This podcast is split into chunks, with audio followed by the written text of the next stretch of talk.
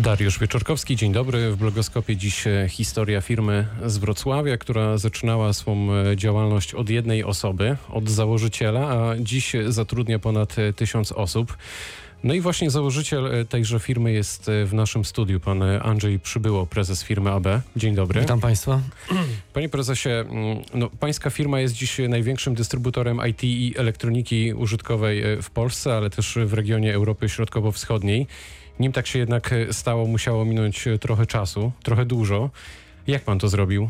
Sięga pan pamięcią jeszcze do tamtych czasów? No to trochę z trudem, bo to już jest prawie 30 lat do tyłu. Y, Jak Pan pyta o początki, no to no moją ambicją to nie była nigdy ambicja bycia, powiem szczerze, bi- biznesmenem, przedsiębiorcą. Ja marzyłem kiedyś o górach i to był mój główny cel. I nawet idąc na studia marzyłem o tym, że może nawet będę nauczycielem, chociaż niechętnie chemii, bo chodziłem na chemię wtedy. Ale będę miał może jakąś tam garsonierę z widokiem na Giewont, na Kasprowo i będę ca- całe wszystko w górach, w Zakopanem. To było moje marzenie. To co chciał pan robić w tych górach? Żyć. Po prostu. Mieć jakieś pieniądze, jakiekolwiek z pracy i tylko chodzić w góry, wspinać się. No wtedy góry dla mnie to była ukochana numer jeden. Nie I było... cóż się stało, że nie wyszło z górami? A, niest- a niestety zrobił pan taki No, sukces z firmą. Miałem dwa duże wypadki w górach, y, latem i zimą. Y, No, byłem bardzo mocno połamany. To były duże akcje, nawet gdzieś tam w tych największych akcjach GoPro są opisane. y, z Jako akcje ciężkim- ratunkowe. Tak, z, z prowadzaniem mnie. No to, że żyję, to mogę powiedzieć, to był duży dar od losu. No i jakoś spłacałem go potem. Jak szeregowcu Rajanie chciałem zasłużyć na to, że mam drugie życie, a to się tak śmiejąc. I co się stało potem? Y, Potem zaczęło się malowanie kominów, no bo jak już nie mogłem się wspinać, bo miałem po tych dwóch urazach takie duże problemy już. Ale malowanie kominów też nie brzmi bezpiecznie. Ale urazy polegały na tym, że przez dwa dni z rzędu, jeżeli chodzę mocno w góry, mi bardzo mocno kolana puchną, mam problemy tak zwane nieoperacyjne y, stawy w wyniku tam jakichś błędów w diagnozie i mojego oczywiście pójść skróty z leczeniem, bo miałem wtedy zaliczenia. Yy, Postawiłem na kominy, bo nie, nie musiałem ich malować dwa dni z rzędu non-stop. To były krótsze odcinki i miałem z czego, z czego żyć, bo się też utrzymywałem sam już na studiach. No i przy okazji miałem kontakt z wysokością, czyli piękne wysokości, kominy 200-metrowe, koksownia z Rzeszowice, malowałem tam parę też innych takich dosyć y, ciekawych miejsc. To dla mnie była taka prawdziwa szkoła robienia biznesu, bo wtedy niczego nie było poza octem na półkach, więc największym wyzwaniem wcale nie było malowanie ani zdobywanie zleceń, tylko zdobycie materiałów. Ale nadal pan patrzył z góry na pewne rzeczy i to właśnie w trakcie wiszenia, mówiąc kolokwialnie, na jednym z takich kominów pomyślał pan sobie, a to może zajmę się sprzętem elektronicznym. Y, To było jeszcze potem. Na początku malowałem i tam za pomalowanie kominu dostawałem oszałamiającą stawkę. Pamiętam, po długim malowaniu tych 200 metrów tego wielkiego komina miałem 200 dolarów. To było wtedy ogrom kasy, bo to było kilkadziesiąt pensji. Natomiast potem y, miałem też okazję pojechać do pracy y, wakacyjnej na zachód w Norwegii. Pracowałem, śmiejąc się, byłem takim samobieżnym kombajnem kalafierowo-kapuścianym na polu po 12-15 godzin na dobę. Moje rekordy było 300 godzin miesięcznie. Naprawdę nie było czasu nawet na spanie. I tam trochę liznąłem tej, że tak powiem, organizacji pracy, bo te fermy na zachodzie to były małe przedsiębiorstwa. Oni mieli swoje własne chłodnie, linie do pakowania, tworzyli nawet kartonów, automatyczne e, całe linie. To nie byli tacy nasi farmerzy. Nawet obecnie trudno chyba w Polsce spotkać. Czyli piękna organizacja pracy, każdy miał zaplanowany dzień. I to mi się podobało, bo to była praca z sensem. Ale to nie był główny powód wejścia w biznes. Głównym powodem było, że już wróciłem do Polski. Miałem chyba trzy dziekanki pod rząd na studiach. Mój promotor powiedział mi, przybyło albo cię wyrzucę ze studiów, albo kończysz. Więc już wtedy zrozumiałem aluzję i musiałem skończyć y, studia. I pisząc pracę dyplomową, pisałem ją na takim oszałamiającym sprzęcie, nazywał się ZX Spectrum. To były takie To malutkie, który to był rok? 80 chyba 7 rok, te okolice. I to był sprzęt, który miał takie jeszcze kasetki magnetofonowe, tam się wgrywało to wszystko i po każdej sesji zamykane to było do sejfu, uwaga na klucz, bo to było takim cennym sprzętem. I zobaczyłem, że są problemy z, wtedy z dyskietkami, z rzeczami, żeby zaopatrzyć to te komputery mniejsze i większe w odpowiedni Po prostu ich nie było u nośniki. nas w kraju wtedy. Dokładnie. No i wychodząc ze studiów już wiedziałem, że mój pokój w Zakopanem niekoniecznie, bo poznałem mm, niesamowitą dziewczynę po trzecim roku, moją obecną żonę, która zmieniła mi mocno widzenie. Mocno widzenie i jakoś te góry zaczęły troszeczkę ode mnie odpływać. Ona jest chyba głównym tym jak powiem, prowodyrem tego, że nie jestem obecnie w górach. To dzięki swojej żonie Iwonie.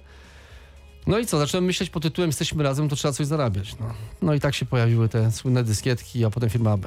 Czyli przez żonę porzucił pan góry i zaczął pan zarabiać naprawdę e, niezłe pieniądze. Zaczynał pan e, jednoosobowo w hotelu robotniczym przy Strzegomskiej we Wrocławiu. Tu się śmiejemy, Trudno było?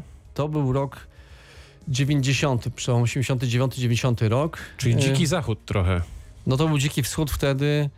No ja nie miałem zbyt wiele pieniędzy, więc ja poszedłem do hotelu robotniczego, bo tam według wieś, wiadomości z miasta były najtańsze pokoje do wynajęcia. One rzeczywiście były tanie, bo standard był tam naprawdę niesamowity. My się śmiejemy, że tam były same karaluchy plus my. Zagęszczenie nawet było wielkie i tak pożegnałem chyba pierwszą sekretarkę po pół roku, bo jak przyszła dziewczyna do pracy, zobaczyła karaluchy, to uciekła po drugim dniu. Ale rozumiem, że ten pokój w hotelu robotniczym służył za siedzibę firmy. Tak, to było wszystko. To był i magazyn, i biuro. No, był taki dosyć przaśny. Nam to wtedy wystarczało zupełnie. Nie, nie walczyliśmy o jakieś takie super miejsca. Natomiast miał jedną wadę. Był na pierwszym piętrze. Więc dostawy towarów to, to zawsze przyjeżdżali spedytorzy do nas i naprawdę bardzo mocno byli w dobrych humorach, bo nazywali nas abnormalni. Jesteśmy normalni, bo mamy na pierwszym piętrze magazyn. No ale to, tak się wtedy działało. I skąd e, ten sprzęt trafiał do Polski? Znaczy, w jaki sposób pan w ogóle wpadł na to, że, że zacznie pan sprowadzać taśmy, dyskietki, komputery pierwsze, etc.? Nie ukrywam, szukaliśmy bardzo mocno wtedy dostawców. Nie było wtedy internetu. To były targi komputerowe, trzeba było jeździć. Był taki y, event, nazywał się Cebit w Hanowerze. Do tej pory są to duże targi. Wtedy miało jeszcze większe znaczenie, bo nie miały konkurencji internetu.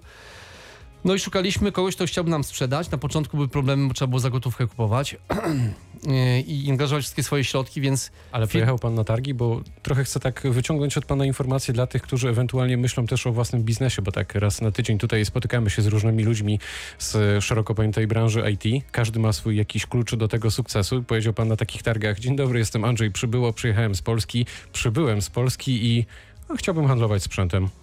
No to tak różowo nie było. Myśmy kupowali często towar nawet z drugiej ręki. Nie było mowy o takich autoryzowanych dystrybucjach, czyli przekonania siebie. To bardziej było tak, kup partię towaru, znikaj i zrób jakieś relacje. Te relacje to jakby tworzyli dosyć długo, mozolnie. I może naszym plusem było to, żeśmy nie startowali od takich bardzo ambitnych rzeczy pod tytułem sprawdzanie komputerów, tylko proste rzeczy. Dlaczego? Bo się baliśmy trochę przeinwestowania. Woliśmy jeść tą małą łyżeczką niż chochlą. Z perspektywy lat to było bardzo dobre doświadczenie. Dlaczego? Bośmy bardzo dobrze poznali rynek. I to było tak, że jak już tutaj zaczęliście stawiać e, mocniej pierwsze kroki w Polsce, to byliście jedyną firmą, która się tym zajmowała? Oj nie, w tych czasach Czy to, to, chyba... był, czy to paradoksalnie też były ciężkie czasy, żeby się tutaj poprzebijać do firm, które były zainteresowane tym sprzętem? W konkurencji to powiem, że tak wtedy ilość dystrybutorów to było kilkuset dystrybutorów w Polsce. Obecnie mamy kilkunastu, z czego tak naprawdę kilku jeszcze w ogóle istnieje, się liczy, reszta jest bardzo niszowa. Czy pokazuje panu ogrom jakby różnicy, która była wtedy tak, wtedy się wszyscy bawili we wszystko, więc trzeba było też mocno konkurować. A otarł się pan wtedy o JTT, które też tutaj we Wrocławiu JTT było powstawało? gigantem. No To była firma marzenie. Myśmy siedzieli na korytarzach Urzędu Celnego. Oni wtedy mieli jakby większą siłę przebicia, tam jakby mieli swoją listę kolejkową, byli traktowani jako lepsza firma. My jako szaraki tam siedzi, my sie- siedzieliśmy daleko, patrzyliśmy, o ta wielka firma przychodzi i tyle wielkiej ilości towarów, bo oni przywozi to przyczepkami, a myśmy mieli to często na zasadzie jakiejś tam małej palety. O JTT mówiliśmy w blogoskopie jakiś czas temu i e, zainteresowanych upadkiem e, tej firmy odsyłam do tamtego e, programu. Nim trafiliście do Magnic, czyli dzisiejszej już super nowoczesnej siedziby, też przeżyliście powódź stulecia. To była ulica Kościerzyńska wtedy, gdy, gdy was ta powódź zastała. Mocny zakręt w historii firmy, tej wydeptywanej tych ścieżek, o których pan przed chwilą powiedział. To był bardzo trudny moment, taki, że po tych wielu latach funkcjonowania mogliście po prostu zakończyć swoją historię przez powódź? No powódź z nami ma jakby ścisłe związki, bo to nie była jedna powódź, a dwie powodzie. 97 rok, myśmy wtedy świeżo kupili tą siedzibę, byliśmy mega happy, szczęśliwi, bo, bo mamy coś dla, już takiego dużego. Zdążyliśmy zrobić remont takiego budynku serwisowego, weszliśmy na główny, na szczęście zdążyliśmy, przyszła woda wtedy 2,5 metra wysokości, rozwaliła nam dokumentnie serwis, natomiast budynek główny przez dwa tygodnie, tam woda stała dwa tygodnie, był na tyle uszkodzony, że była decyzja do rozbiórki. I to był duży zakręt, bo byśmy wtedy naprawdę prawie zbankrutowali. Na szczęście udało nam się przez prace specjalne, wzmocnieniowe przy fundamentach ten budynek uratować i mimo pierwotnej ekspertyzy dokończyliśmy na inwestycję. Był duży zakręt, szczęście dla nas, wtedy nie mieliśmy tak dużej ilości towaru tam, tylko byliśmy jeszcze w innym miejscu. Natomiast dużo większa powódź, taka dla nas prawie tragiczna w skutkach, to był 2010 rok, po 13 latach, bo wtedy to się wydaje, że we Wrocławiu e, generalnie był lepiej przygotowany Wrocław, natomiast Nie północna ta skala jednak. północna część miasta okazało się, że po 13 latach Grobla Łaniewska, te kluczowe miejsce, gdzie ta woda się wdarła do północy, też do naszej siedziby na Kościerzyńskiej, w ogóle nic się nie zmieniło. I wtedy mieliśmy gigantyczny zakręt.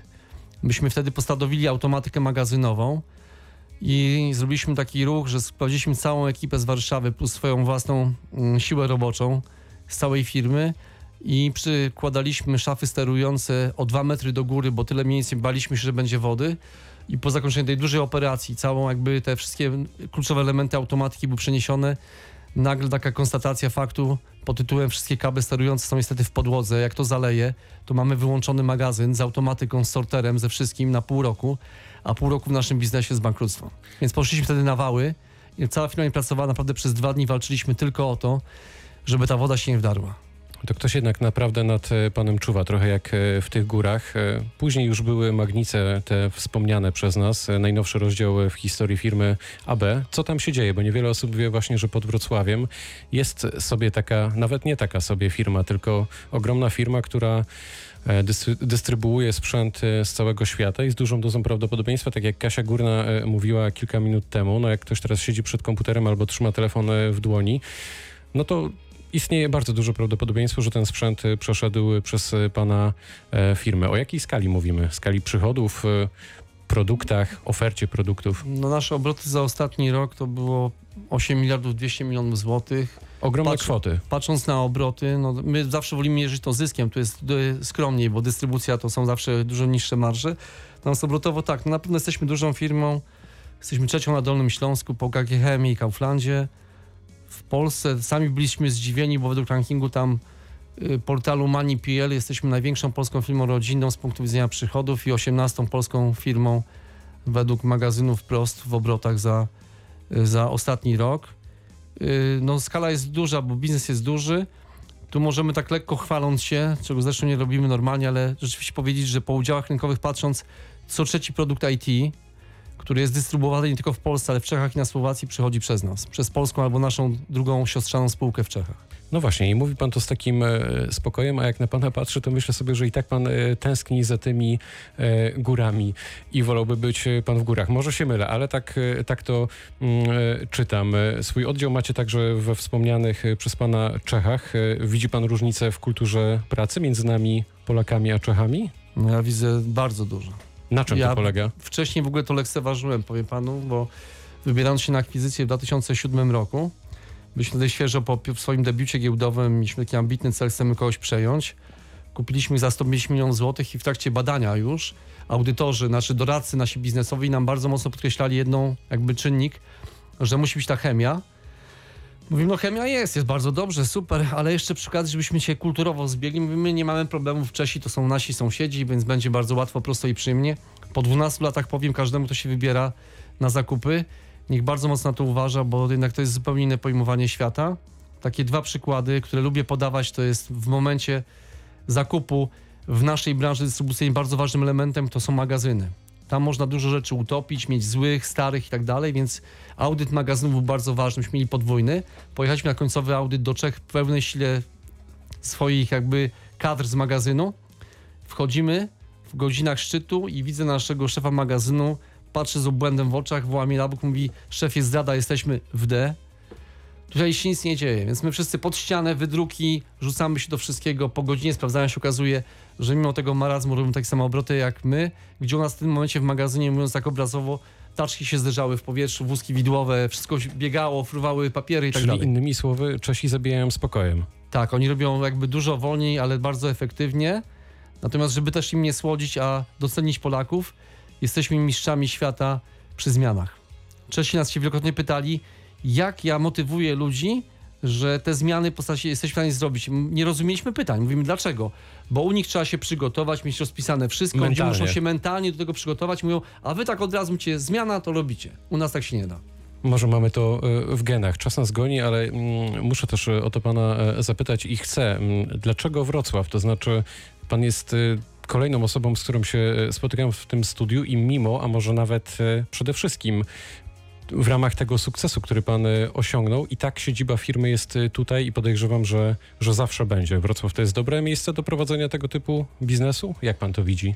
Nie Warszawa, nie no ja Gdańsk, jestem nie takim przyszywa, przyszywanym wrocławianinem, bo pochodzę Czyli z mógł pan właśnie wybrać każde inne miejsce w zasadzie. Tu kończyłem studia, tu poznałem swoją kochaną żonę, więc tak by czułem z tym związek mocny. Natomiast tak już mówiąc bardziej serio, z perspektywy lat, y, nam jest dobrze we Wrocławiu, czujemy to miasto, atmosferę, ale też tak stawiając nas kontra Warszawa, bo tylko jedna lokalizacja wchodzi w grę naszej branży. Dużo biznesu, dużo więcej jest w Warszawie i my przez to trochę tracimy. Byśmy byli jeszcze większą firmą w Warszawie, Ale i ale- tak jesteście tutaj. Jesteśmy tutaj dlaczego? To jest trochę inny etos pracy. Y, Warszawa jest bardziej pracownikiem najemnym. Tam jest mniejsze przywiązanie do firmy. My czujemy, że w na naszej firmy, za co nas często w branży podziwiają, mamy bardzo wiele osób związanych z nami przez 25 lat. Czyli dobrze się u pana pracuje po prostu. I, I składam to na jakby karp całości widzenia tego miasta, że jednak wrocławianie mają tą cechę, że bardziej są solidni, przywiązują się do tego miejsca pracy, czują z sobą silniejszy związek. Jest tam z tym dobrze. Mamy nawet tutaj e, w tej firmie przykłady osób, które e, są z pochodzenia e, warszawiakami, przyjechały z Warszawy i, i wybrały Wrocław na miejsce do życia i pracy. Ostatnie pytanie to przyszłość. Wiem, że AB to nie tylko centrum dystrybucyjne, ale też ośrodek egzaminacyjny dla specjalistów z branży IT, ale też poważne partnerstwo z firmą Microsoft. Tutaj chodzi o Mhm. chmury obliczeniowe. Powiedział pan kiedyś, że chmury to przyszłość. I teraz AB postawi na chmury? No, możemy się pochwalić, byliśmy pierwszym dystrybutorem ze wschodniej części Europy, który w ramach takiego pilatu, pilotażu wdrażał nowy typ usługi, usługi w chmurze dla Microsoftu. To było duże przedsięwzięcie, duże zaangażowanie. Nam się to udało, rozwijamy to. Dlaczego chmura? To jest przyszłość generalnie software'u oprogramowania na świecie. Niesie wielkie korzyści dla klienta końcowego i klienta mm, instytucjonalnego.